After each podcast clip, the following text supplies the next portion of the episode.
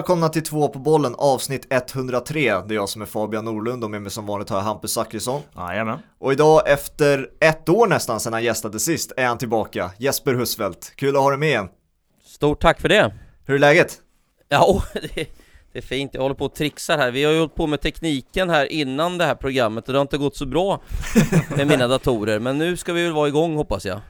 Ja, vi ska ju tillägna hela det här avsnittet med eh, e EM-snack helt enkelt. Eh, du är ju med på ett hörn, du ska ju kommentera och eh, jag och Hampus vi ska följa helt enkelt bara. Men innan vi drar igång så vill jag veta, jag, jag har ingen aning. Kallar vi det EM 2020 eller EM 2021? För att det, alla plattformar har olika namn på det. Vad säger ni? Oj, oj, oj, ja. Officiellt kallas det säkert EM 2020, men det blir lite svårt va? Och kalla det för 2020 i år. Så ja. att vi kan väl kalla det för 2021 här i alla fall tycker jag. Ja men det känns ju som liksom varumärket antar jag liksom ligger kvar där som Euro 2020 för att så vill liksom Uefa ha det. Men eh, nej, det är ju EM 2021 i mångt och mycket. Absolut. Det känns ju så här lite inför som att Frankrike är den stora favoriten. Eh, eftersom att de är de mest självklara i sättet de spelar. Sen så kommer gänget efteråt och det är kanske är det som gör det lite extra spännande också. För jag, jag vet inte hur det är med er, men jag vet inte riktigt vad jag kan förvänta mig av England, Italien, Belgien, Portugal och så vidare. De typen av lagen. Håller ni också de två skikterna isär, Frankrike och resten? Nej, absolut inte. Jag tycker det är ett stort kluster av lag som är 6, 7, 8 lag där uppe som jag tror är ungefär lika bra. Eh, där en del av oddsättarna till och med har England ungefär på samma position som eh, Frankrike. Och jag som har följt italiensk fotboll länge har ju sett en nation spela ut många av de stora. Nederländerna borta fick ju mycket beröm av spelarna där och har ju nu spelat 27 raka utan förlust. Eh, och på något vis med en så stor nation som Italien är som nu är tillbaka till sitt allra bästa igen och med alla titlar de har i bagaget, en av de största nationerna i fotbollsvärlden så så måste man nog hålla Italien där uppe och de slipper också komma in i mästerskapet med en stor stjärna. Eh, så jag tror att den här generationen italienska spelare som kommer fram nu kommer man nog prata om länge. Så jag tror Italien och Frankrike är nog lagen att slå i den här turneringen och så finns det ju fler då där uppe tycker jag som är ungefär lika bra. Ja men innan, vi, innan eh, du kommer in där Hampus, det finns de kandidaterna som finns på som experter tar ut på diverse plattformar. Jag kan ju rabbla upp dem och sen får ni, kan ni ju säga om det är något av lagen som ni inte tycker är guldkandidater. Så de favoriterna är Frankrike, England, Belgien, Tyskland, Spanien, Portugal, Italien. Är det någon ni vill ta ur den ekvationen direkt? Ja, eh, Spanien kommer inte vinna i sommar. Spanien har en för svag generation. Och om man tittar på trupper som vinner, visst, vi har sett Grekland vinna, vi har sett Danmark vinna Europamästerskapet, men nu krävs det alltså en match till. Jag tror att det här EMet kommer bli lite mera likt ett VM. Statusen höjs på de här stora turneringarna också. Men Spanien har inte en generation spelare som ska vinna den här turneringen, så jag tror inte på spanjorerna alls. Jag har lite svårt att se Tyskland som vinnare, men jag tycker de ska vara med bland favoriterna där uppe. Alltså hade det inte varit för att jag är evig pessimist och att Sverige spelar i Spaniens grupp så hade jag ju liksom kunnat sätta en peng på att Spanien kanske till och med liksom missar eh, liksom, är liksom direkt i gruppspelet. Jag tycker att de känns eh, förvånansvärt svaga och nu kommer det här hela med eh, covid-kaoset och det kallas in extra spelare. Det var inte det den truppen behövde heller. Eh, så att jag tycker att de känns eh, riktigt skakiga. Men sen, sen är jag lite inne på din linje där Jesper, att det är, det är ett kluster av lag och såklart så sticker väl Frankrike ut för de flesta för att det är regerande världsmästare och de har en väldigt spektakulär trupp på många sätt som de har kryddat med en Karim Benzema.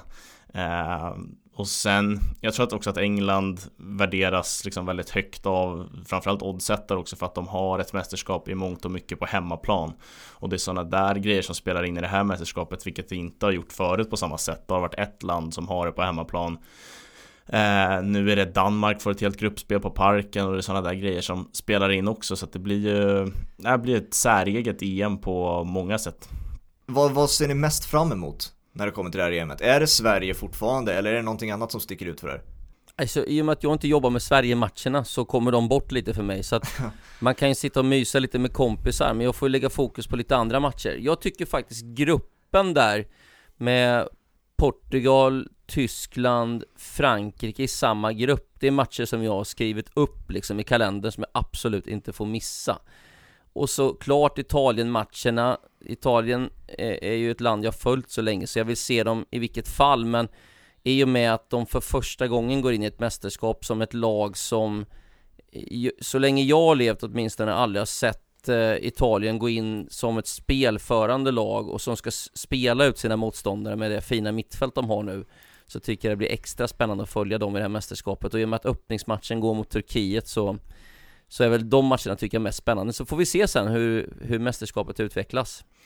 Alltså just, just i detta nu så känner jag verkligen att så här, Turkiet, eh, Italien är ju den matchen man ser mest fram emot för att man har liksom gått och väntat och det är den matchen man har kunnat hänga upp liksom all, all förväntan på liksom, när den matchen drar igång då är då är hela Europamästerskapet igång. Men eh, sen självklart att det är för mig Sverige som sticker ut och man har liksom sett genrepet och det har sett eh, nästan oförskämt bra ut eh, på många sätt. Eh, så att det här är en landslagsgeneration man har tagit till sig och lärt sig älska på ett, på ett annat sätt. Alltså man själv har egentligen bara upplevt Erik Hamrén och slutet på Lasse Lagerbäcks ehm, liksom sejour och det, det var inte speciellt roligt någon av dem. Eh, här är det liksom ja, både roligt för de som liksom värderar den fotbollen högt, att de vill ha liksom en spelförande fotboll och det tycker jag att Sverige liksom kan stå för i stora delar av matcher. Eh, men sen är det också väldigt Eh, ja, men resultatinriktat. Jan Andersson har lärt sig och sitt landslag hur man, hur man vinner matcher och når resultat och det kommer bli väldigt viktigt i, i ett mästerskap. Så att, eh, nej, med Sverige ser man fram emot liksom lite extra mycket. Men sen hela, att få en mästerskapssommar, det är ju det bästa som finns. Mm. Ska vi, ska vi börja i Sverige och sen ta oss till Italien då? Vi har ju några lag vi kanske ska ta och fokusera lite extra på då, men vi kan väl börja i Sverige ändå. Du sa bra genrep Hampus. Finns det några negativa delar dock att ta med från eh, det här genrepet vi har sett? Det kanske inte alltid är positivt att eh, gå så här, alltså ha en sån här bekväm eh, resa genom genrepet som Sverige har haft. Jag vet, jag vet inte, jag, jag tycker det finns en oro generellt i det här laget att Janne Andersson ville flytta fram positionerna i Nations League när de hamnade bland de bästa och eh, fick bekänna färg. Eh, då såg man ju att Sverige mot de allra bästa nationerna faktiskt inte riktigt räcker till eh, under förra året och eh, den oron hänger ju kvar. Sverige måste nog spela fortsatt en tillbakadragen fotboll.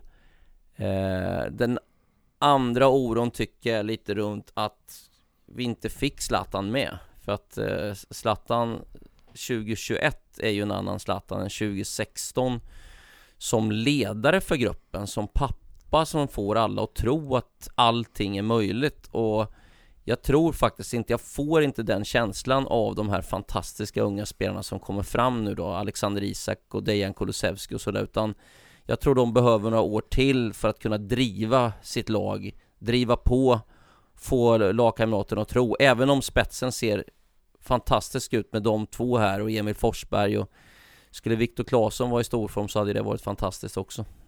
Jag vet inte, det är kanske när man, när man tänker på ett väl fungerande lag, ett bra kollektiv, då är det ju som du säger att det ska finnas en äldre som är pappa till laget men också som håller hög kvalitet. Nu, resterande pappor i laget är sämre än de unga talangerna som vi har nu, Isak Kulusevski och så vidare. Alltså Lustig, Sebastian Larsson, väldigt bra spelare men inte på samma nivå. Och det kanske kan vara det som skadar Sverige.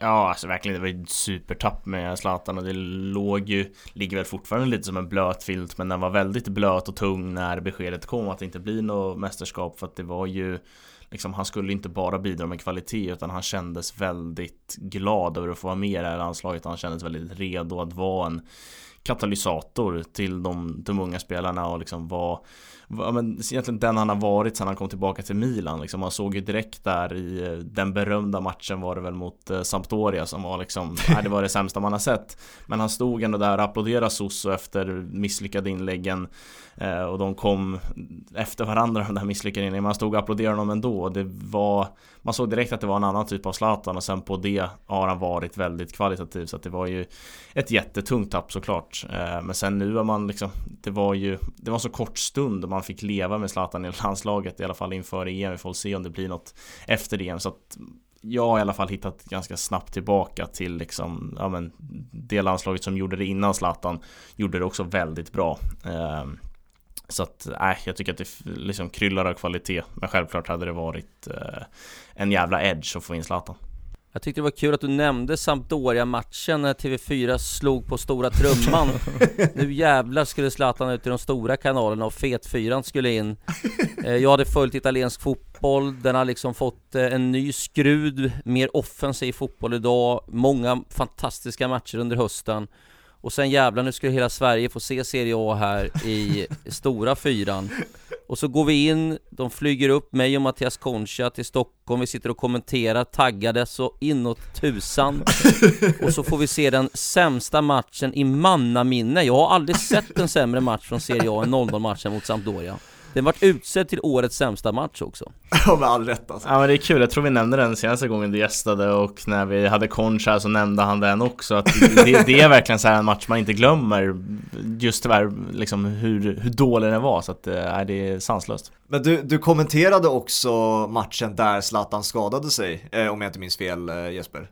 Kände du där och då att eh, EM var över eller var, hur var känslan där?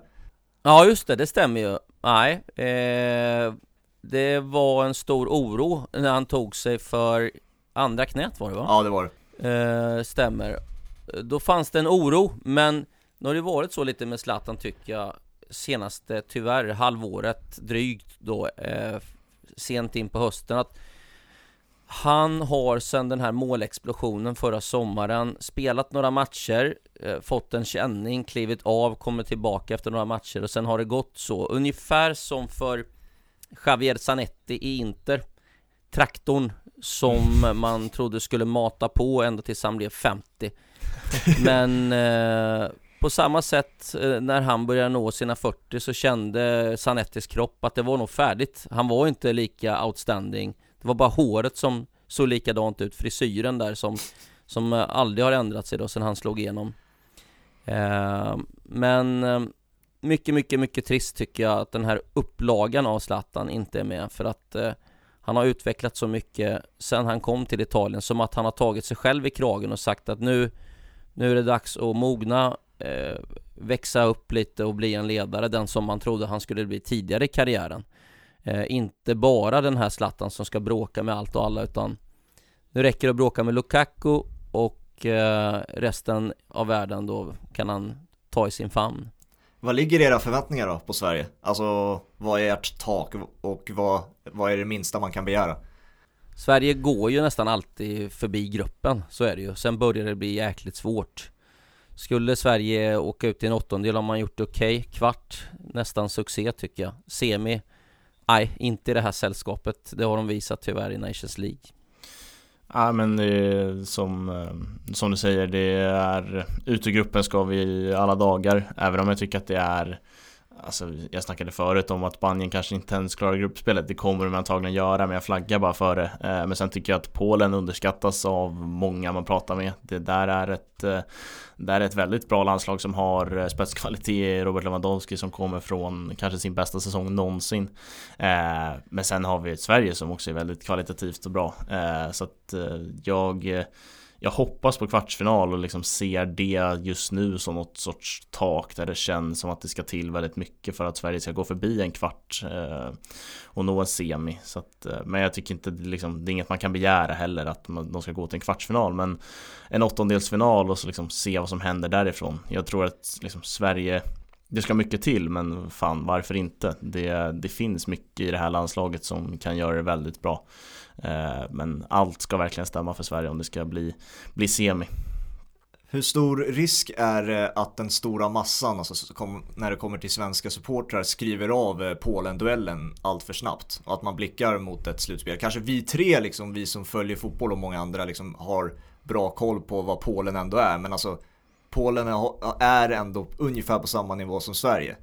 Nej men jag tror att folk, fotbollspubliken idag har rätt bra koll på vilka spelare Polen har. Framförallt som ni sa, Lewandowski de som följer den ligan jag jobbar med, Piotr Zielinski som har varit helt outstanding som tia tror jag man kommer få läsa mycket om mm. inför den här matchen. En eh, enormt begåvad spelare som kan hantera allt. Inte bara en klassisk tia utan rätt komplett spelare som både kan bygga spel och ta obekväma löpningar och otroligt klok, smart, eh, skicklig på att täcka boll, svår att komma åt, svår att läsa så att jag tror att många kommer få läsa om Piotr Zielinski och tyvärr kommer vi få erfara honom och den toppform han har besuttit i Napoli eh, föregående säsong. Han är på väg att bli en sån här stor spelare som jag tror de allra största klubbarna också håller ögonen på just nu. Det känns, känns någonstans tryggt också att vi har Albin Ekdal just mot Zielinski. Han kan prata om vad det där är för gubbe för han känner honom bra från, från Serie A. Men jag är också en stor beundrare av Zielinski och vi har pratat om honom i det Serie A-avsnittet vi gjorde med Svanemar. Och jag tror att mycket kommer handla, jag tror mer kommer handla om Zielinski än Lewandowski för att det är, man måste det är som många har lärt sig med så Cristiano Ronaldo och Messi, det går inte att stoppa Ronaldo och Messi utan man måste stoppa flödet till dem. Och jag tror att det stora flödet till Lewandowski kommer komma via Zielinski och det är där Sverige måste lägga stort fokus på att stoppa och där kommer Albin Ekdal få en väldigt eh, viktig roll. Men eh, den, den matchen blir ju såklart en nyckelmatch. Eh, Slovakien liksom, i stora drag. Slovakien ska vi slå Spanien jättebra om vi får ett kryss och sen handlar det om vi kan slå Polen eller inte. Ehm, så det blir ju såklart en nyckelmatch och matchen i matchen där ser jag verkligen Albin Ekdal, Zielinski som en stor, stor nyckel. Det sista om eh, Sverige då innan vi går vidare, det är ju forwardsduellen vi ändå har fått. Vi har sett, i, genrepet har vi sett två anfallspar och eh, om ni har sett eh, SVTs reportage med Johan Kücükaslan som jag varmt rekommenderar om man inte har sett den, är väldigt bra. Ehm, så där är ju både Isak, men framförallt Kulusevski väldigt tydlig med att han förväntar sig starta varje match i eh, EM. Hur stor risk är det att eh, de här två eh, blir besvikna? Ja, alltså båda har ju varit lite ojämna eh, senaste säsongen. Enorma toppar båda två. Två av världens bästa spelare i den åldern, skulle jag vilja säga. De tillhör i alla fall den absoluta världstoppen. Eh, men det finns en del dalar också. Eh, en sån som Isak har en spelstil som gör att han ibland faller ut ur matcherna tycker jag. Det är tydligare att spela kanske med Marcus Berg eller Quaison. Eh, Kulusevski är också lite av en joker, en sån spelare som Juventus kunde kasta in. Han var ju faktiskt den spelare som spelade flest matcher för Juve föregående säsong en spelare som man gärna skulle vilja kasta in med 35 minuter kvar som kan förändra en matchbild, vilket talar emot honom lite. Sen ska man inte glömma bort att Dejan är jävligt smart i försvarsspel och lägger ner ett stort jobb. Så det är en spelare som är väldigt bra att ha på planen tycker jag i båda riktningar första 70. Eh, man tycker många av de här lite läckrare lirarna kanske inte är beredda att ta jobbet men det, det gör ju absolut Dejan. Så deras ojämnhet och eh, otydlighet skulle jag vilja säga som spelare, de är inte så eh, raka eller eh, de är mer oberäkneliga i sin spelstil tycker jag än många av de andra och ibland blir det nog så mot de större nationerna att man kanske föredrar att spela första timman med spelare som kan stänga, eh, som går att läsa lätt för lagkamraterna, hålla tätt och sen slänga in de här eh, unga killarna och avgöra matchen.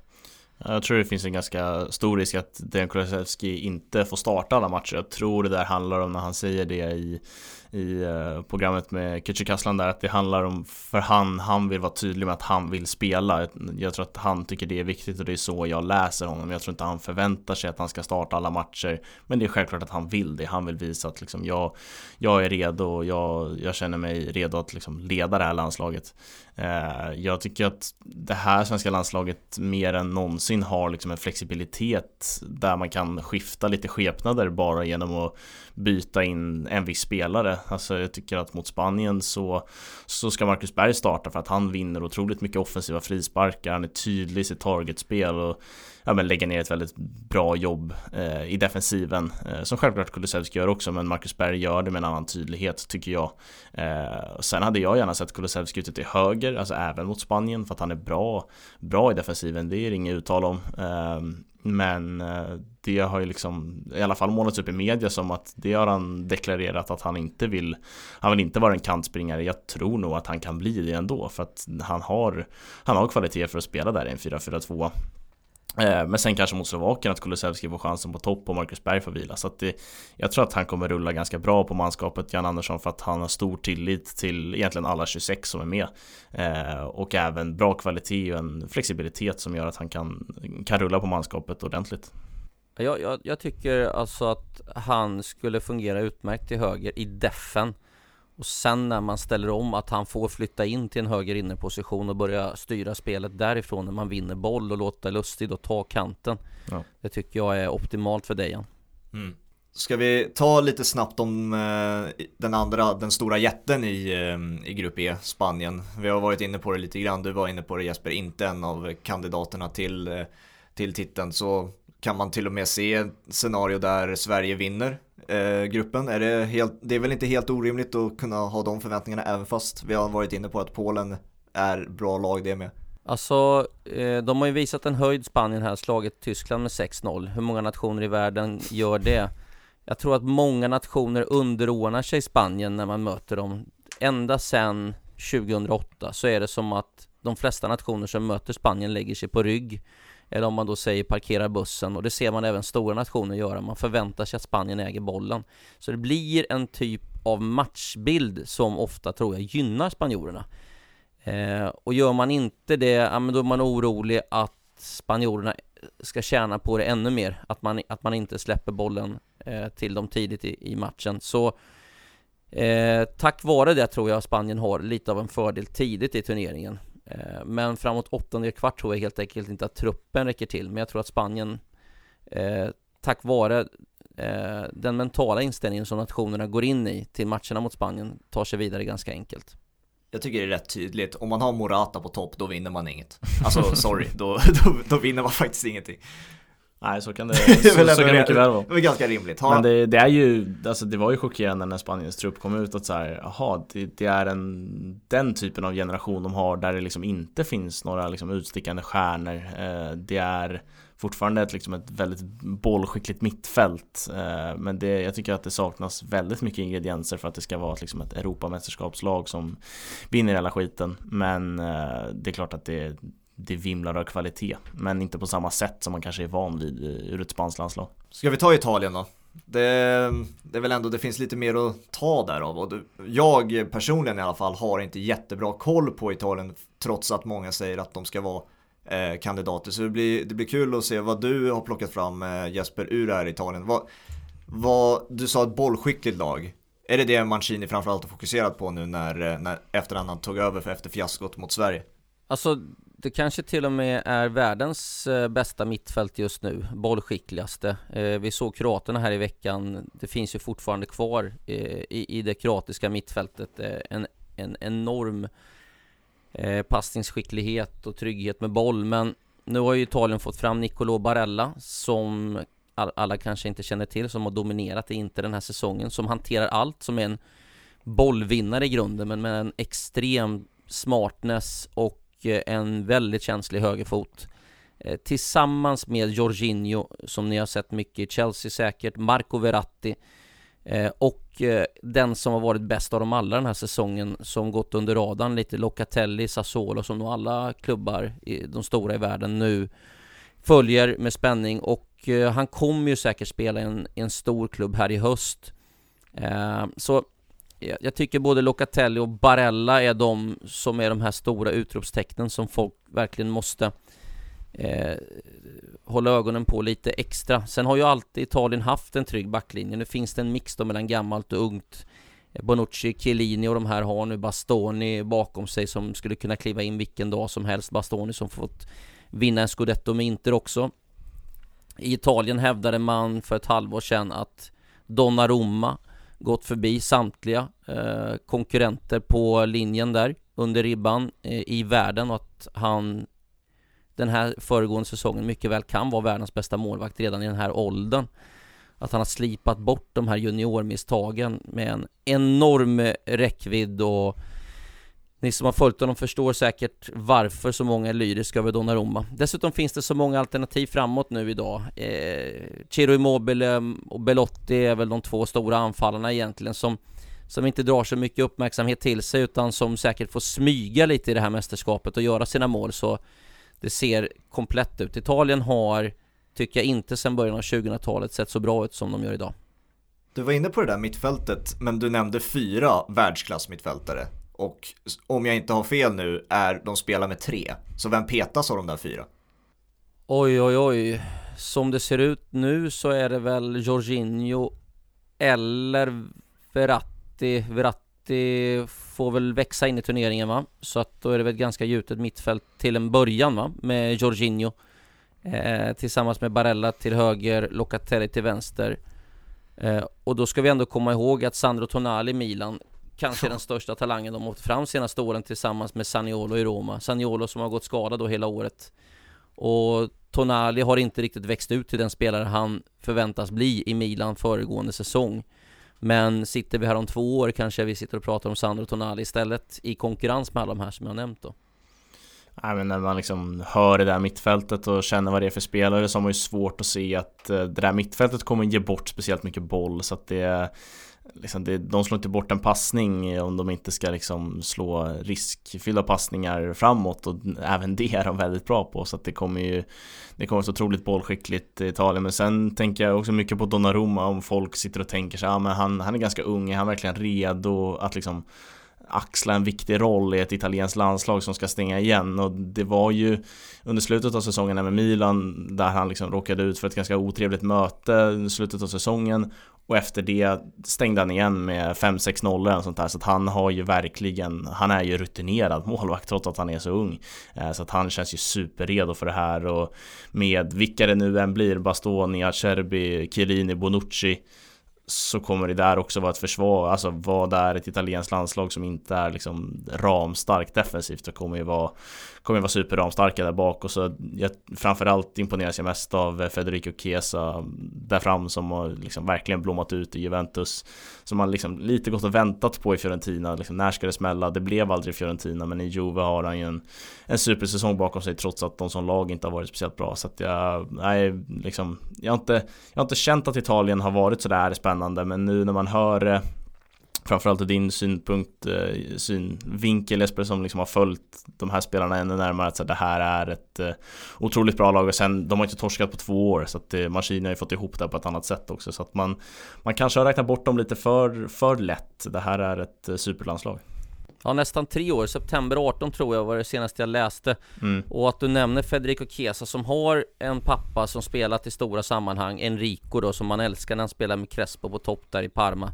Och han har en toppklubbsmentalitet, han har en skalle som många av de här unga saknar, eh, som påminner lite om de spelarna som kom fram i, ska vi säga vår generation då, eh, på 90-talet, lite såhär tysk skalle om vi säger så, och Eh, älskar stora matcher, älskar stora mästerskap och kommer ta det här mästerskapet och göra det, göra det till sitt tror jag. Och dessutom Lorenzo Insigne då som lite sparkapital som italienarna har väntat på som börjar närma sig 30 nu och som kanske individuellt är den bästa spelare de har eh, som får smyga lite från vänster och måtta sina inlägg mot högerkanten så att äh, de blir, usch, de blir ruskigt farliga i Italien. Det är intressant det där att du drog en jämförelse med Tyskland för att jag har alltid, eh, sen eh, VM 2018, vem är de nya som mentala monstren? Och det kanske är det Italien ändå får stämpeln som inför nu. Alltså det här är det är vinnare nästan rakt igenom.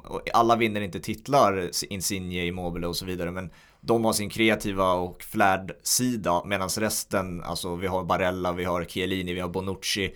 Alltså det är, det är otroliga monster, monster rent mentalt och sen så alla har ju sett bilder när de sjunger nationalsången. Alltså, de vinner alla kategorier när det kommer till passion där också. Ja, det är, nej, alltså kärleken till landet och kärleken till sporten är ju otroligt stark i Italien så att det ska bli, det ska bli jävligt kul att följa dem, helt klart. Eh, är det dina favoriter, Jesper?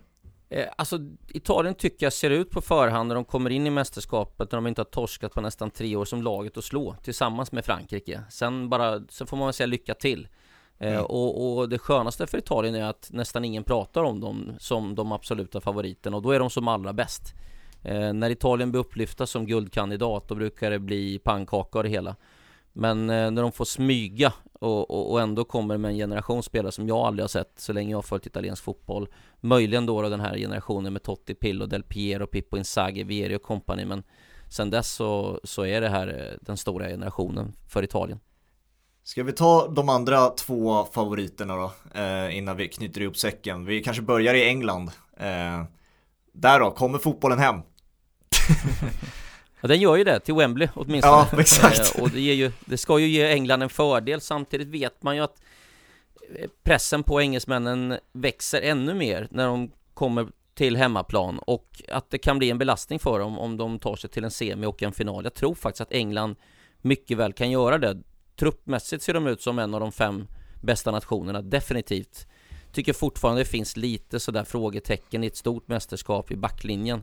Eh, om de räcker till hela vägen. Nu vet jag ju att både Maguire och Stones har haft eh, fantastiska säsonger och nej, kanske framförallt John Stones, men eh, lite osäker på om, om de räcker till eh, mot de här största och bästa eh, när det blir eh, viktiga matcher. Men talangen offensivt eh, är ju osannolik i princip tycker jag med, de skulle kunna välja vilka spelare som helst framåt av Foden och Sterling och Sancho och hela gänget här, Rashford Eh, och så har de Harry Kane eh, centralt. Det är enorm talangfabrik som, som England nu eh, Plus då Jack Grealish som blir lite av en joker och som man pratar mest om i England här eh, Kan ge dem stora framgångar i sommar För mig är det ju vad Gareth Southgate, han är nyckeln, vad han gör Alltså han kan fälla det här laget samtidigt höja dem. Så laguttagningarna som det debatteras om varje dag i England, eh, med all rätt eftersom det finns så mycket alternativ, Alltså det blir nyckeln. Om det blir fel, vi vet inte på förhand vad som är rätt elva.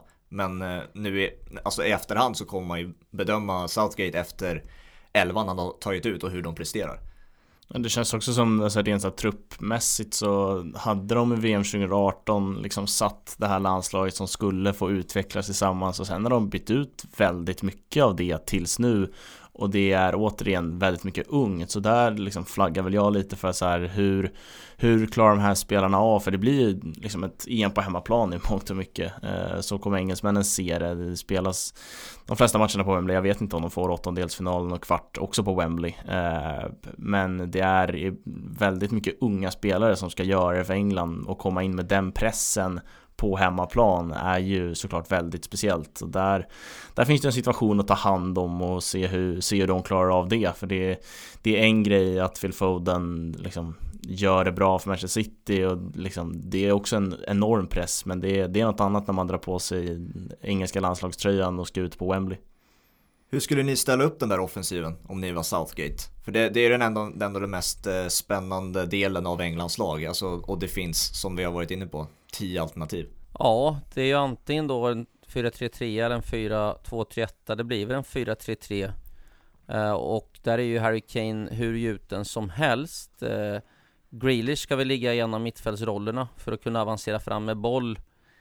Eh, jag tror nästan han får välja match för match. Jag tycker nästan alla de där är jämnbra. Foden har ju varit mycket bättre än Sterling den här säsongen, fått mer förtroende av Pep Guardiola, så han kanske går före.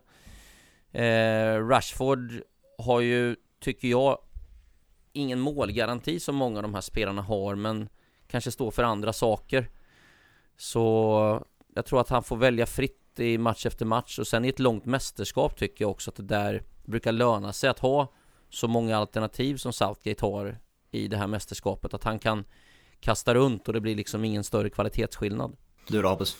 Nej men det är ju så, det finns ju så mycket alternativ. Men jag Hade jag varit förbundskapten så hade jag liksom utgått från en elva med, med Kane eh, i mitten, Sancho till höger och så Grealish till vänster. Jag tycker att Sterling och Rashford Som är kanske de första man kommer att tänka på på de där positionerna har Ganska tunga säsonger bakom sig. Rashford framförallt som har fått spela så väldigt mycket Såg inte speciellt pigg ut här i, i genrepet.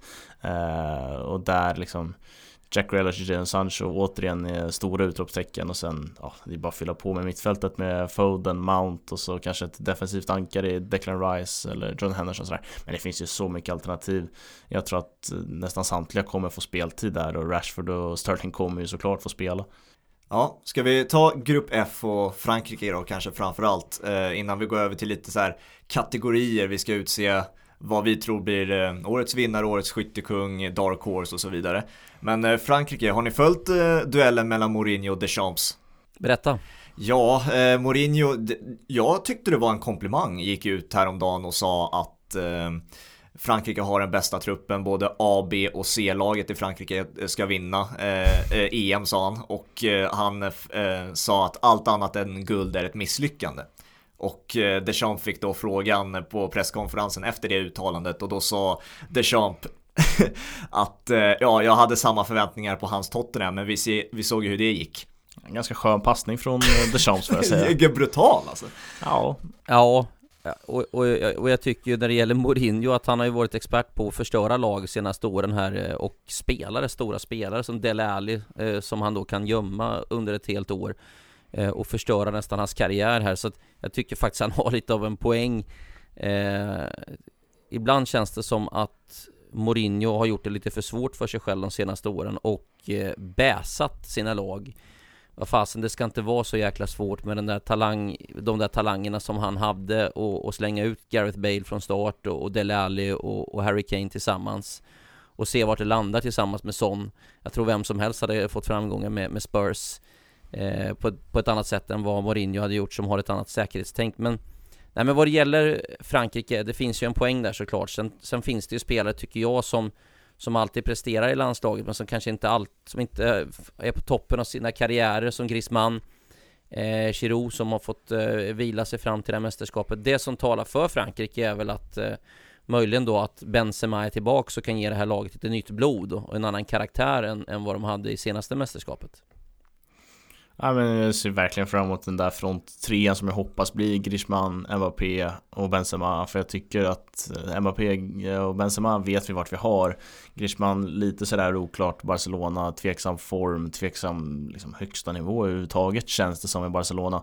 Eh, Men det är något speciellt med Antoine Griezmann när han får dra på sig den franska landslagströjan. Han höjs av det och blir en bättre spelare. Så att det är ju Det är fronttrean som kittlar allra mest. Och sen där bakom så är det ju självklart mycket kvalitet men där har många andra länder också samma kvalitet på ett mittfält Vi snackar om Italien liksom Även Spanien har ett väldigt bra mittfält men jag tycker att det sticker ut med den fronttrean där det är sån hög, hög klass och nivå på samtliga tre.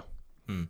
Jag inledde ju avsnittet med att säga att jag tycker de här, alltså Frankrike är mest självklara laget och därför enligt mig favoriter. Eh, men och det, det, gör också, det kanske är orättvist mot eh, resterande kandidater att det är Frankrike som måste slå krokben på sig själv för att inte vinna guldet. Och det kanske, det kanske är att ge dem för, lite för stor fördel, men det är lite så jag ser det. Alltså om Frank Frankrike ska förlora eh, eller inte vinna så att säga, då måste de på något sätt ha någon slags inbördeskrig i sin trupp igen. Alltså av de andra konkurrenterna tycker jag Portugal har fått fram en sån där generation som man mycket väl efter det här mästerskapet skulle kunna prata om. Jag ser ju säkert att det kan bli en final mellan typ Portugal och Italien. De har sina bästa generationer just nu. Det finns så mycket off, off, offensiv begåvning i det här portugisiska laget. Sen tror jag också för Jogi Löws del med Tyskland här att det var ett smart drag att plocka tillbaka Thomas Müller och att svälja stoltheten för att det kommer ge laget en hel karaktär i det offensiva spelet och, och, och det gör att tyskarna blir mycket jobbigare att möta nu. Eh, Thomas Müller är, är, modern fotbolls mest underskattade spelare tycker jag. Eh, kanske inte den sexigaste spelstilen men kan ju hantera allt vad det gäller obekväma löpningar och vinna dueller och och, och både spela fram och, och avsluta. Eh, och ska man ta de här stora länderna så tycker jag att Belgien har passerat Zenit, tyvärr. Att De Bruyne kommer in i den här turneringen skadad, Witzel på samma sätt, Hazard är inte samma spelare som för två år sedan. Så att nu hänger nästan allt på Lukaku och de här gamla försvararna som fortfarande är bra för Mälen och Alderweireld och sådär men de, de, är liksom, de har passerat Zenit så jag tror inte att det är de som till slut står där med bucklan. Mm. Ska vi ta våra kandidater som vi har? Eh, jag tänker vi börjar med den potentiella floppen. Då är det antingen spelare, tränare eller lag. Eh, vem har ni som flopp? Alltså det, det, kan mycket väl bli Belgien eh, av den anledningen som jag sa. Eh, för att vi, vi bedömer dem, nu har de en enorm bredd ändå. Men jag menar Dries Mertens har suttit mycket på bänken i Napoli. Jag vet inte om han är samma spelare som han var för två, tre säsonger sedan. Eh, och när det börjar bli tätt, tätt där i åttondel och kvart så tror jag faktiskt att Belgien får det rätt tungt. Så att att säga att det skulle vara en flopp om att åka ut i kvartsfinal kanske synd, men jag, jag, tror inte de går hela vägen. Spanien har vi redan varit inne på, så att de två tycker jag ligger farligt till. Jag, tycker, jag säger Holland och Frank de Boer. Alltså, kan potentiellt åka ur i den enklaste gruppen på pappret för att det är den mest oklara tränaren vi har fått ta del av den senaste, senaste tiden. Alltså ingen aning om han kommer ställa upp med en 2, 3, 4 eller 5 backslinje. Ingen aning. Nej. Nej jag håller med dig, Holland känns oklara och tappar ju liksom van Dijk Vilket har känts klart sedan länge men det blev ju liksom definitivt klart här Från en månad sedan när han Han hade säkert kanske kunnat försöka men han väljer att fokusera på sin rehab. Eh, får ju någon sorts ledarroll där men det är ju såklart ett väldigt stort tapp. Eh, jag håller eh, håll, Höjer en varningsflagg för Kroatien. Jag tror att den gruppen kommer bli liksom tuff och jämn överlag där jag tycker Tjeckien har en liksom spännande generation på gång med många spelare från Slavia Prag som har varit väldigt bra, varit bra under Europa League eh, och sen även Skottland kommit ge sig eh, och där liksom baksmällan från VM, liksom vart har vi Kroatien? Jag, jag tror att de får tufft. Mm. Dark Horse då? Då har jag Alltså Portugal kan man ju inte säga längre eftersom att de är en av kandidaterna men annars hade ju de varit det självklara valet. Eh, annars tror jag på Turkiet eller Sverige att gå längre än eh, resten av de här, eh, ja, de som är lite i mellanskiktet eh, av eh, lag. Jag är med där, jag, framförallt på Turkiet. Mm, jag gillar inte att säga Sverige bara för att jag gillar att vara pessimistisk och inte hålla på och jinxa för mycket. Men eh, Turkiet tycker jag har en spännande generation på gång där ett eh, mittbackslås som känns väldigt självklart med Demiral och Syunchi och sen eh, krydda med Chalanoglu som är eh, otroligt bra. Så jag sitter och kollar på Österrikes trupp inför första matcherna på söndag mot Nordmakedonien och fan det är ett genuint bygge alltså med Sabitzer bakom den här enorma begåvningen Sasha som kommer presenteras i det här mästerskapet 195 cm lång, den nya Zlatan jag tror att Arnautovic trivs så bra i landslaget så att det kommer bli rätt många spelare att ta hand om där för motståndarna så Österrike, snacka om dark horse alltså. Mm. Eh, sen har vi, eh, vi kan ta båda i samma, assistkung och skyttekung. Jag nämner Benzema som skyttekung och beroende på hur fräscha och hur mycket de får spela, Jack Grealish eller Kevin De Bruyne som assistkung. Jag Säg Jack Grealish för jag hoppas att han får starta och spela 90 kontinuerligt i England i år. Ja, jag tror att så mycket kommer handla för England om Harry Kane gör mål eller inte och jag tror att det kommer gå bra för England så att jag säger Harry Kane som skyttekung eh, och då ska väl de flesta assisten komma också från England så att det säger väl eh, Mason Mount då. Oj, oj, oj, oj, oj. Det finns rätt många att ta av här. Eh, tänk om det står en Chiro Immobile eller Belotti där som skyttekung. Någon av dem skulle vara ball. Och vem är det som slår fram alla passningar i Portugal då till Ronaldo och kompani? Bernardo Silva. ja, det kanske är så. Jag har svårt att, uh, svårt att hitta någon. Förra mästerskapet var i alla fall Aaron Ramsey. Nej det är ett EM där, jag tycker att det går att sätta fingret på att det är otroligt kreativa mittfält med helt sanslöst fina fotbollsspelare så att eh, det kommer bli bli något jag följer sådär lite extra, eh, se mittfältskamperna eh, där det säkert kommer bli en del mittfält som är väldigt tuffa och liksom väldigt fysiska och så kommer de ställas mot de här eleganta artisterna. Eh, det, det blir kul och spännande utöver allt annat. Mm. Det var det vi hann med Eh, det var en trekvart med Jesper Husfeldt, han ska vidare nu. Eh, så eh, stort tack att du var med Jesper, det uppskattas. Stort tack. Underbart boys, ha ett underbart EM nu. Du Detsamma med, har, har det kul att kommentera. Tack så mycket. Tja. Tja. Hej.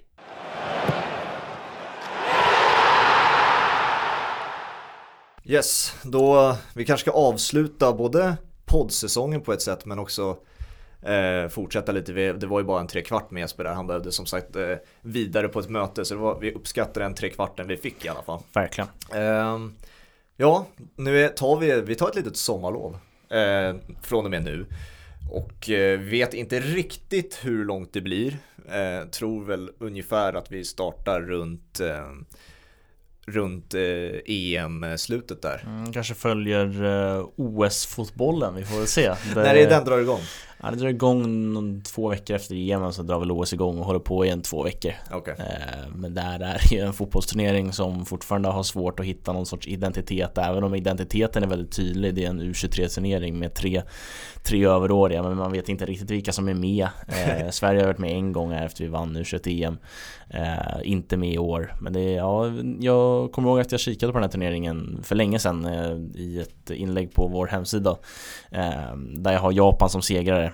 Eh, okay. Jag tycker det ska dock bli intressant att se. Jag hoppas att eh, Takefuso Kubo, eller Takefusa Kubo, mm, är med. Där tycker jag Ja, det blir, han kommer ju vara OS-stjärna. Ja, ja men exakt, det blir ofta sådär i OS-fotbollen att det blir lite olika spännande talanger som man inte riktigt har sett förut som verkligen blommar ut. Mm. Så att den har väl någonting men den är, den är svår identifierad. Så kanske den vi får, får, får dra igång och följa, vi får se. Men eh, jag tycker att det är ett, eh, ja, ett välförtjänt lov vi tar. Vi har kört på med två avsnitt i veckan och det har varit jävligt kul. Mm, verkligen. Och eh, kört på som fan men det, också, det blir det blir ändå rimligt på ett sätt för att eh, poddformat blir ju också en lång diskussion om ämnen som har hänt oftast och när det är EM och vilket mästerskap som helst då är det ju det är matcher kontinuerligt varje dag och om vi ska spela in ett avsnitt direkt efter Sverige-matchen då har de nästan sp hunnit spela en match till innan vi släpper vårt avsnitt. Att... Exakt, och det finns ju så många, mm, ja, men så många program och tjänster där ute som kommer köra en EM-bevakning. Ja. Dobb har gjort en jättesatsning som jag, jag är spänd på att följa. Det ska bli kul där de kör uppesittarkvällar och livesändningar, vilket vi liksom inte har eh, möjligheten till att göra på samma sätt. Nej. Så att vi, vi spelar oftast in en dag, släpper en eller två dagar senare och det mm. blir, hinner ju bli helt utdaterat under ett EM-mästerskap och så såklart liksom SVT och TV4 kommer ju ta ner varje match mm. Eh, så att det, det, finns att lyssna på för er där ute liksom eftersnack och försnack till andra matcher mm. Har du, har du ändrades någonting nu med surret efter Husselt? Alltså för mig jag gick ju in med inställningen nu när vi poddade att det var Frankrike och inget annat lag. Mm. Eh, jag var rätt tydlig med det också. Eh, men öppnar upp dörren för, jag, jag har inte riktigt fattat hur på G Italien är. Eh. Nej, jag var ganska inställd på att han skulle snacka upp Italien och jag kände att så här, men det där kan man nog syna på ett sätt. Ja. Så här, är det inte bara för att han följer Serie A men jag måste säga att jag, jag drogs med i det eh, och jag tror att det, han har väldigt mycket rätt också. Eh, han har bäst koll på Serie A, mm. liksom, i alla fall av oss tre. Och han har följt de här spelarna och så liksom, som man säger, man har torskat på, på två eller tre år. Eh, vilket är ett otroligt facit, så att även i landslaget har de fått ihop det. Så att, nej, där var inte riktigt jag med. Jag, jag visste att han skulle snacka upp dem och jag kände att så, ja, men jag, jag får inte ryckas med i det. Men nej. det gjorde jag och det, det tror jag också med all rätt. För att det är ett jävla kompetent landslag.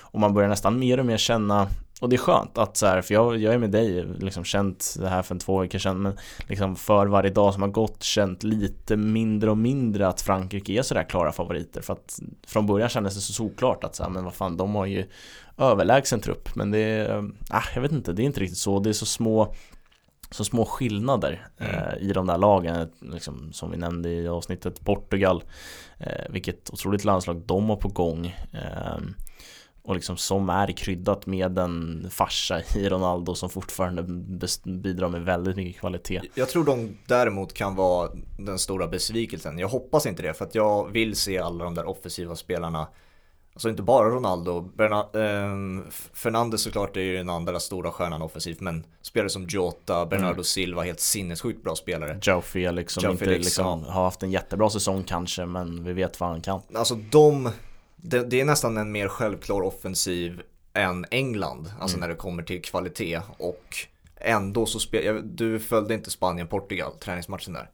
Nej, jag var faktiskt och kollade på division 6-fotboll här Men det, det, var härligt den helgen som gick här eh, Släpper det här på torsdagen Så den helgen som var Kollade väldigt mycket mm, lokalfotboll eh, ja. Och det är det fan Det gjorde jag det med ja. Vi var ju, såg en match tillsammans där Lokala, lokala gänget i Ängby spelade juniorallsvenskan för första gången i deras historia Ja, jag tyckte det var ju eh, Det var ju en väldigt liksom, vad säger man? Alltså, fan vad det tävlades där ute på plan ja. och det var, det var extremt kul att se, det var ganska taktiskt ändå för att vara liksom juniorallsvenskan att, mm. eh, Och taktiskt var det väl minst sagt mellan Spanien och Portugal kan jag ja, tänka mig nej, men det, det jag skulle komma till det var att Portugal ger initiativet till Spanien. Mm. Alltså lite det Jesper var inne på, man har liksom som inställning att Spanien ska hålla i boll. Vilket är jävligt dumt eftersom att Portugal har det bättre laget, både bollinnehavsmässigt men också spetsmässigt.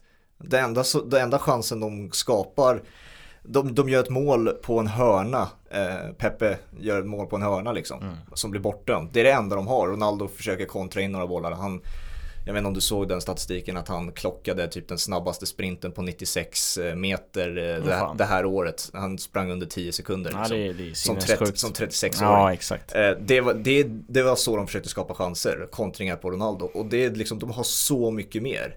Och det är väl Ja, ja. såklart, när de möter Spanien så kanske de ger bort initiativet. Men alltså så får de inte göra resterande matcher i EM. Nej exakt, vi alla minns ju hur Portugal vann EM 2016 De vann väl inte en enda match? Mm. nej men då, då backade de hem, men då var det också, alltså det var helt naturligt eftersom att de bara, de hade bara Ronaldo. exakt. och den enda som stack ut utöver Ronaldo var, var Renato Sanchez. Hur gammal, hur gammal var han? 17 liksom. Mm. Och har ju, ja nu har han kommit tillbaka lite Renato Sanchez men har ju gått ner sig efter det och sen nu studsat tillbaka efter en fin Ja, säsong han, han, han är absolut en av dem i truppen som kan sticka ut också. Å, återigen en offensiv kraft. Så att jag, jag hoppas bara att eh, Portugal inser, till skillnad från Sverige kanske som har gått till en överdrift med att behålla boll. Portugal måste Mm. hålla i bollen. Ja, men jag ser ju liksom inte något landslag i den gruppen tappa poäng mot Ungern för att det kommer vara så väldigt viktigt för dem. Det kommer de känna för att det är något landslag av de där som kommer sluta som trea. Då måste man ofta ta med sig en seger i alla fall för att gå vidare som trea. Ehm, så att den matchen kommer ju bli så väldigt viktig. Jag ser inte något av de länderna tappa poäng där. Men är det något landslag jag känner så ja, det finns en liten risk, det är ju Portugal. Mm. Ifall de blir just för tillbakadragna, ger bort bollen till Ungern och tror liksom att det, det löser sig bara för att vi är bättre. Mm. Ehm, så att jag tror inte att det, jag tror inte de kommer göra det Men det finns ju, det är där enda frågetecknet finns och den matchen blir väldigt viktig Annars kan man ju ryka som Ja. Att man inte når upp som en av de fyra, eh, fyra av de sex bästa treorna Och en stor anledning till varför, jag backar ju Ronaldo på det sättet att han alltid är favorit att vinna skytteligan i min bok. Eh, och är den stora kraften och anledningen till att jag tippar hans lag vinna turneringar eftersom att ja, det är Ronaldo. Han, han, det är det han gör, han vinner. Eh, men anledningen till att jag inte backar honom i det här EMet, inte hans prestationer utan det är på stället, den positionen han har. Han spelar toppforward i Portugal. Han är längst fram och han bara väntar på bollar. Vi vet alla att han ska utgå från vänster och ha den där fria rollen. Den rollen har Diego Jota i laget. I min bok, byt plats på de två. Jota längst fram, eh, som får jobba lite falsk nia och Ronaldo får utgå till vänster. Då vinner Portugal EM. Alltså det, den lilla förändringen, enligt mig. Och det ger ju också Rafael eh, Guerrero om, han, om det är han som startar till vänster Ja, det måste- det gör han. Han kan ju täcka otroligt stora ytor Ifall Ronaldo skulle starta till vänster så kommer han få hela den vänsterkanten för sig Ja. själv och det kommer han ju älska eh, Så att det är ju Alltså vi nämnde dem att det inte riktigt går att nämna dem som dark horse men liksom Vinner de guldet igen här så är det ju ändå en skräll Mm. eh, Men de har ju De har ju materialet för det så att eh, det är ju, Den gruppen blir ju helt, helt otrolig att följa Mm. Ska vi ta någonting mer om Sverige? Vi fick ju gå igenom lagen ganska, ganska snabbt. Ja, nej, vi men har ju haft eh, de två matcherna nu, Finland och eh, vad fan var det vi mötte? Armenien Armenien var det ja. Eh, ganska tråkiga test så här på förhand. Finland ska i och för sig vara med i EM men alltså Mm. det, var, det var inga riktiga test. Tyvärr. Jag, jag Nej, inte verkligen. hur, ske, hur det schemaläggs riktigt men det var ju inte de, de borde ju ha satsat på en lite tuffare match. mm. Ja absolut, det kan man tycka. Sen har vi haft så jävla många tuffa test i Nations League eh, Liksom där vi hade, ja, vad blir det, sex helt eh, galna matcher mot eh, riktigt, riktigt bra motstånd. Så att jag, jag tror ju att han verkligen har Nations League i tankarna här när man valde att möta Finland och Armenien. Nu ville man hålla i boll och verkligen få igång offensiven och det tycker jag man fick mot Armenien. Alltså det, den matchen hade kunnat sluta 5-6-0 egentligen. Forsberg var, jag har aldrig sett honom så här bra nu. Nej exakt, det var gammal, det var väl inför EM 2016 Han var sådär snuskigt bra, vi slog Wales med 3-0 och det var Mm. Det var lekstuga och sen kraschade vi rätt ut eh, i det EMet. Eh, Han är ju tillbaka på den nivån och han är i otrolig form på honom. Eh, och det Det är inte liksom det bästa jag sett av ett svenskt landslag den matchen mot Armenien men det är Det är uppe där och det känns inte ens som att det var Alltså de tog inte ut sig så Men det var ändå en insats som var sådär fruktansvärt jävla bra Där det var så här klackkombinationer och det är liksom roliga saker som händer hela tiden Så att jag tycker att det finns Han har verkligen hittat en ny dimension med det här landslaget som eh, han Alltså Janne, Janne då Måste eh, också lära sig att portionera ut i vilken Vilken match ska vi använda oss av det här typet av spelet och i vilka matcher ska vi liksom backa hem och vara lite tydligare tydligare i defensiven. Eh, men jag tycker att det, ja, det är ett superbra genrep. Eh, det man saknar är ju som du säger det riktiga testet, men det kommer direkt i premiären mot Spanien. Eh, det kan man ju tycka, alltså så här, skulle vi torska där så kan man tycka att ja, vi kanske hade borde testats mot lite bättre motstånd men det, det kommer alltid gå att vara efterklok liksom, efter mästerskap. Och sen är ju typ det första gången i alla fall som jag har varit med om ett mästerskap där första matchen inte är en nyckelmatch. Mm. 2006 var det um, Paraguay Mm. Eller Trinidad och Tobago. Alltså så här, man måste vinna den mm. för att liksom få en bra skjuts in i gruppen. 2008 var det Grekland, måste vinna. Eh, 2010 var vi inte med, 2012 mötte vi också Ukraina. Ja exakt, pissgänget i gruppen måste vinna, lyckades inte med det. Eh, 2016 Irland, pissgrupp, pisslaget i gruppen måste vinna. Eh, Nu är det Spanien helt plötsligt, måste inte vinna för liksom Men man får ju kniven mot strupen i vilket fall i nästa match. Men det är inte, ja, det är inte som förut att vi måste vinna första matchen. Det är rejäla bottennapp i premiäromgången i EM alltså. Ah, ja. Ukraina och eh, Irland där. Alltså. Ah, fy fan vilka insatser. och Irland hade vi inte sett skott på mål. Nej. Mot, det blev ett självmål som räddade 1-1 liksom. Ja exakt. Eh, men det, det räds mig, alltså det, det, är det jag kommer att tänka på mest. Det är genrepen. Jag kommer inte ihåg vad vi hade för genrep inför VM 2018 som ändå gick, gick vår väg. Nej, vi eh, mötte Chile tror jag. På Ullevi. Chile? Mm. Var det Chile? Jaha, mm, jag tror det. Sjukt. Uh, ja, just det. det, jag minns det från den matchen. Det blev en 0-0. Ja, skittråkig match men också hur eh, mycket kritik eh, Toivonen och Marcus Berg fick eh, för att de, de, de mest lågintensiva löpningarna i kontringar ja. man någonsin sett. Jo, så är det verkligen. men alltså, där vi verkligen glänste var i, i förberedelserna inför EM 2016. Jag var mm. på den matchen mot Wales. Alltså fy fan vad bra vi var. Och Jaja. körd, Albin Ekdal hade, alltså han körde över Ramsey och Bale. Alltså han hade lekstuga, Forsberg och Zlatan var väldigt bra. Micke Lustig fick dansa på jag vet inte om du minns det, han gjorde en jävla skum dans som målgest. Ja men det brukar, det, det, känner man igen när man har Micke Lustigs namn att det är John, märkliga danser. John Guidetti fick göra mål, han lobbnickar över Ashley Williams. Mm. han, Det var en alltså grym match. Ja det var lekstuga. Och efter det så går Sverige och gör ett uselt EM och Wales uh, går till semifinal. Ja exakt. Så att, uh, det, det finns ju folk som vill läsa in att ett bra genrep är egentligen dåligt för att då kommer det gå skit Och det det har jag, vet jag ju själv att man har sagt någon gång när liksom AIK gör en dålig försäsong till exempel mm. att så här, men det, det, där är bra liksom, kommer igång. Eh, såg ju Malmö här nu i Allsvenskan. Ett dålig genrep eh, om man ska kalla det dålig Svenska Cup. Kuppspel och liksom dålig försäsong överlag men kommer ju igång och inte nått upp sig till sitt bästa, bästa jag än men leder ju ändå Allsvenskan så att eh, det finns ju hur mycket som helst att läsa in i ett genrep. Eh, jag jag väljer att se det väldigt positivt att det har sett ut som det gjort. Men om vi ska följa det mönstret då. Wales blev Dark Horses och gick till semifinal då. Det betyder att Finland kommer vara årets Dark Horse. Sverige åker ut i gruppen och eh, Finland tar sig till en kvart. Ja, vet fan alltså. Det är, jag har svårt att se Finland göra mål helt plötsligt. De har sett så jävla hädiska ut ja. i de här genrepen. Men eh, det såg ju... Wales var inte heller roliga i genrepen inför 16, det blev bra. Så att eh, det, när mästerskapet väl är igång så är allting annat glömt och det gäller att prestera där och då. Och det mm. känns som Sverige är väldigt redo för det. Ska vi ta och säga hur vi vill utifrån den truppen Janne har tagit ut. Vi ska, hur vi vill att eh, Sverige ska ställa upp eh, sig i varenda match. Nu kommer det antagligen inte bli så, det mm. varieras ju på positionen. Men oavsett om det är Spanien eller om det är Polen eller om det är eh, Slovakien. Liksom. Hur vill du att Sverige startar? Ja, om jag ska sätta en elva oavsett vilka vi möter så är det ju Olsen i mål Lustig, Mackan Danielsson, Vigge Lindelöf, Augustinsson Eh, han verkar ju vara i full träning nu. Eh, så du vill spela honom trots eh, Pierre Bengtsson är frisk och kry och har ja, spelat mer? Definitivt. Varför? för att han har en högre, högre kvalitet, han är en bättre fotbollsspelare. Jag tror inte att han, det var väl länge sedan han kändes sådär gjuten i landslaget och det har varit mest på grund av skador. Mm. Jag tror inte att han har tappat så mycket av liksom shapen och sådär. Han känns ah, han känns väl inoljad i det här systemet. Eh, så att Augustinsson till vänster om han är frisk och sen har jag liksom, jag känner mig trygg med att Pierre Bengtsson finns där bakom för att mm. han, han har gjort det bra. Eh, sen till höger Kulusevski, på mitten Koffe, Ekdal, till vänster Foppen och på topp eh, Berg och Isak.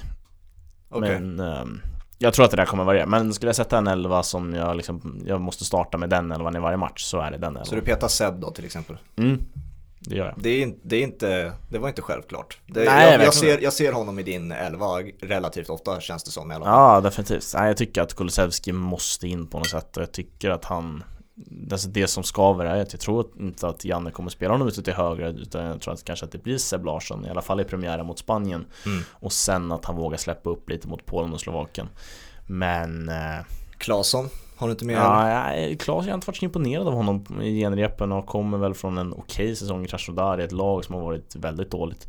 Eh, men jag tycker att det saknas någonting där. Det, det glöder inte på samma sätt i Klas som det har gjort förut. För han höjdes ju till skyarna i senaste samlingen där i VM-kvalet. Mm, exakt, ja då var han väldigt bra. Eh, just nu känns inte dagsformen där eh, och den är starkare hos andra, hos andra spelare. Men han kommer säkert få speltid och jag, som du säger Seb, jag känner mig, känner mig väldigt trygg med om han skulle, alltså från min elva skulle han plocka ut två, tre spelare och ersätta med de som finns så känner jag mig väldigt trygg med den elvan liksom, det skulle bli ändå. Mm. Ska jag dra min då? Absolut. Eh, Olsen i mål, sen vill jag ha byte på båda ytterbackarna i din elva. Jag vill ha Emil Kraft för att jag känner att eh, det är, alltså jag, jag, jag respekterar väldigt mycket det Lustig gör men alltså det är lite för segt nu. Mm. Det, och jag litar inte på honom när en Jordi Alba ska komma överlappande där på kanten. Alltså Lustig hänger inte med, sorry, alltså det gör han inte längre. Eh, och jag vill se Pierre Bengtsson på en vänsterback för att jag tyckte att han, framförallt nu senast mot Armenien, hans överlappning var väldigt, väldigt bra. Sen var inte inläggen alltid toppklass men eh, jag, jag, han, han fyller på jävligt bra där och det krävs lungor för det och jag är inte säker på att Augustinsson kommer ha dem eh, nu när han har varit borta. Så att, och sen var det, hade du Danielsson där mm. eller? Ja, Danielsson och Lustig, nej Danielsson och Lindelöf vill jag ha Exakt. mittbackar.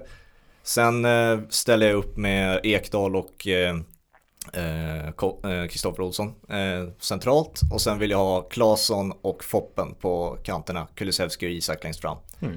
Eh, anledningen till det, det springs mer i Isak och Kulusevski även fast man vill få, få det till att Berg sliter mycket i defensiven. Kulusevski och Isak springer mer än honom. Uh, ja, alltså absolut möjligen. Men jag tycker att alltså Bergs tydlighet, det finns ingen som är så tydlig och så de är rutinerade i det de gör. Uh, Kulusevski Isak möjligen springer mycket liksom och mer Men Berg springer smartare, det är jag alldeles övertygad om. Ja, det är, jag är oense med hela svenska folket där liksom. Mm. Jag tycker att den, just den rollen Marcus Berg har är överskattad på det sättet. Uh, och det är inte många som håller med, om, håller med mig där. Men jag tycker att dels utan boll men framförallt med boll så Kulusevski och Isak, bara, vi fick se kombinationer där mellan, eh, mellan de två. Och jag tror att om de får spela, ta två matcher in i mästerskapet så kommer vi hitta mycket, mycket farligare lägen. Framförallt i djupet med de två längst fram i jämförelse med Berg längst fram. Jag tror ju framförallt att de kan få, de kan nog få både Polen och Slovakien-matchen tillsammans. Men jag hade tyckt att det var ett högt spel av Jan Andersson att bänka Berg mot Spanien. Nej, det kommer inte hända. Det är För det här... då finns det en så väldigt tydlig från oss alla, från oss svenska supportrar och svenska folket, även om inte Janne bryr sig om vad svenska folket tycker. Nej. Så finns det en så väldigt tydlig liksom, direkt orsak som kommer bara direkt stå. Ifall Berg inte startar och det går åt helvete mot Spanien varför startar vi inte med Marcus Berg? Nej. Det blir så tydligt i så fall. Eh, så det är ett högt spel om man inte väljer att spela med Marcus Berg mot Spanien. Men sen tycker jag att det vore fullt rimligt att bänka Marcus Berg mot eh, Polen och Slovakien. Mm. Jag tror ju på den där roteringen, jag med. Alltså rotera forward som vi vet. Jag tror båda de kombinationerna, Quaison Berg och Isak Kulusevski kan funka i sina respektive matcher. Men ser vi verkligen Ser vi, ser vi dem eh, rotera på det sättet? Ser, ser vi Janne rotera på det sättet? För att jag ser, jag tror det är större chans att vi kommer se Marcus Berg springa, springa sig slut de första två matcherna och sen inte ha mycket juice kvar i benen i resten av mästerskapen. Jag tror att han kommer vara ganska smart där. Alltså Berg kanske får 60 mot Spanien skickar in Det Kulusevski låter, som som en låda. det låter lite, alltså för att när vi ändå snackar Janne och Marcus Mm. Berg kombinationen. Alltså Nej, det jag tycker som, att han har visat där i genrepet, Marcus Berg har inte alls fått mycket speltid. Nej. Eh, när han kom in gjorde han mål här och det känns ju också verkligen som en sån där grej att det gör ju att han spelar mot Spanien. Han kommer in och gör mål. Dejan Isak, inget mål. Mm. Ehm, och sen känns Isak så självklar, han känns så mycket mer som en striker så jag, jag tror att Isak får starta varje match på topp. Eh, och så får, blir det en fråga om eh, Berg eller Kulusevski. Men jag tror att, eh, alltså jag litar jag litar så mycket också på Janne. Alltså startar han med Berg och Kulusevski eller eh, i, vad var jag tänkte på? Kulusevski Isak mot Spanien, ja då, då känner jag mig trygg att Janne har gjort den analysen att det känns bra. Även om jag hade valt att starta med Marcus Berg så känner jag mig trygg med de valen han kommer göra. Mm. Eh, nej, sen angående Sverige vill jag bara avsluta med att jag tror att eh, Jag hoppas att Koffe får sitt stora internationella genombrott. Mm. Och eh, så länge Albin Ekdal är frisk och kan spela så tror jag att det finns stora chanser till det. För att det frigör väldigt mycket för Koffe. Ja, det är återigen, jag kommer tillbaka till det här reportaget eh, med vår vän Johan Kücükaslan, alltså väldigt bra, men också man fick se i eh, de här slow motion bilderna, jag vet inte om du tänkte på det, alltså Isak och Kulusevski i sina slow motion bilder och Ekdal också, väldigt basic, lite sidledspassningar, någon dribbling och sånt där, alltså när man ser Kristoffer Olsson dribbla bort eh, Rabiot och Pogba liksom på ett mittfält, man bara okej, det, alltså, det här är annorlunda. Det här är inte Anders Svensson, med all respekt till honom, på ett mittfält. Liksom. Nej exakt, vi, alltså, vi har, där har vi ett flyt i, i steget med boll liksom som vi har snackat om eh, Fede Valverde i, eh, i Real Madrid där han liksom tar fram bollen och har han då Kulusevski, Isak som går i varsin löpning så kan det bli väldigt roligt eh, om man får sticka in bollarna på dem. Eh, Så att jag ser verkligen fram emot att följa det. Det centrala mittfältet blir eh, otroligt härligt att se. Mm. Ska vi avsluta där då? Yes. Ehm, ja, vi får se när vi, när vi hörs igen då. Jag tippar i mitten av juli är vi tillbaka, så ungefär en månad. För att veta när vi är tillbaka så följer man oss på sociala medier Två bollen på Instagram och två bollen på Twitter Där kommer det kommuniceras och kanske även läggas ut något nå roligt tipp eller någon, något eftersnack eh, sådär. Vi Ja. får se vad det blir under EMets gång Det kan mycket väl hända grejer där så håll utkik och följ oss där Eh, Dels för att veta när vi är tillbaka med podd igen, för det kommer Och eh, sen även, ja men, ha kul med oss under mästerskapet Verkligen. Då önskar vi alla en trevlig sommar och eh, så hejar vi på Sverige nu då. Eh, Det gör vi, Gul och verkligen. gul och hela vägen. Ja, verkligen. Nu- Nej, så jävla kul Mot herravälde eller vad fan man brukar säga. Mot EM-guld. Nu kör vi.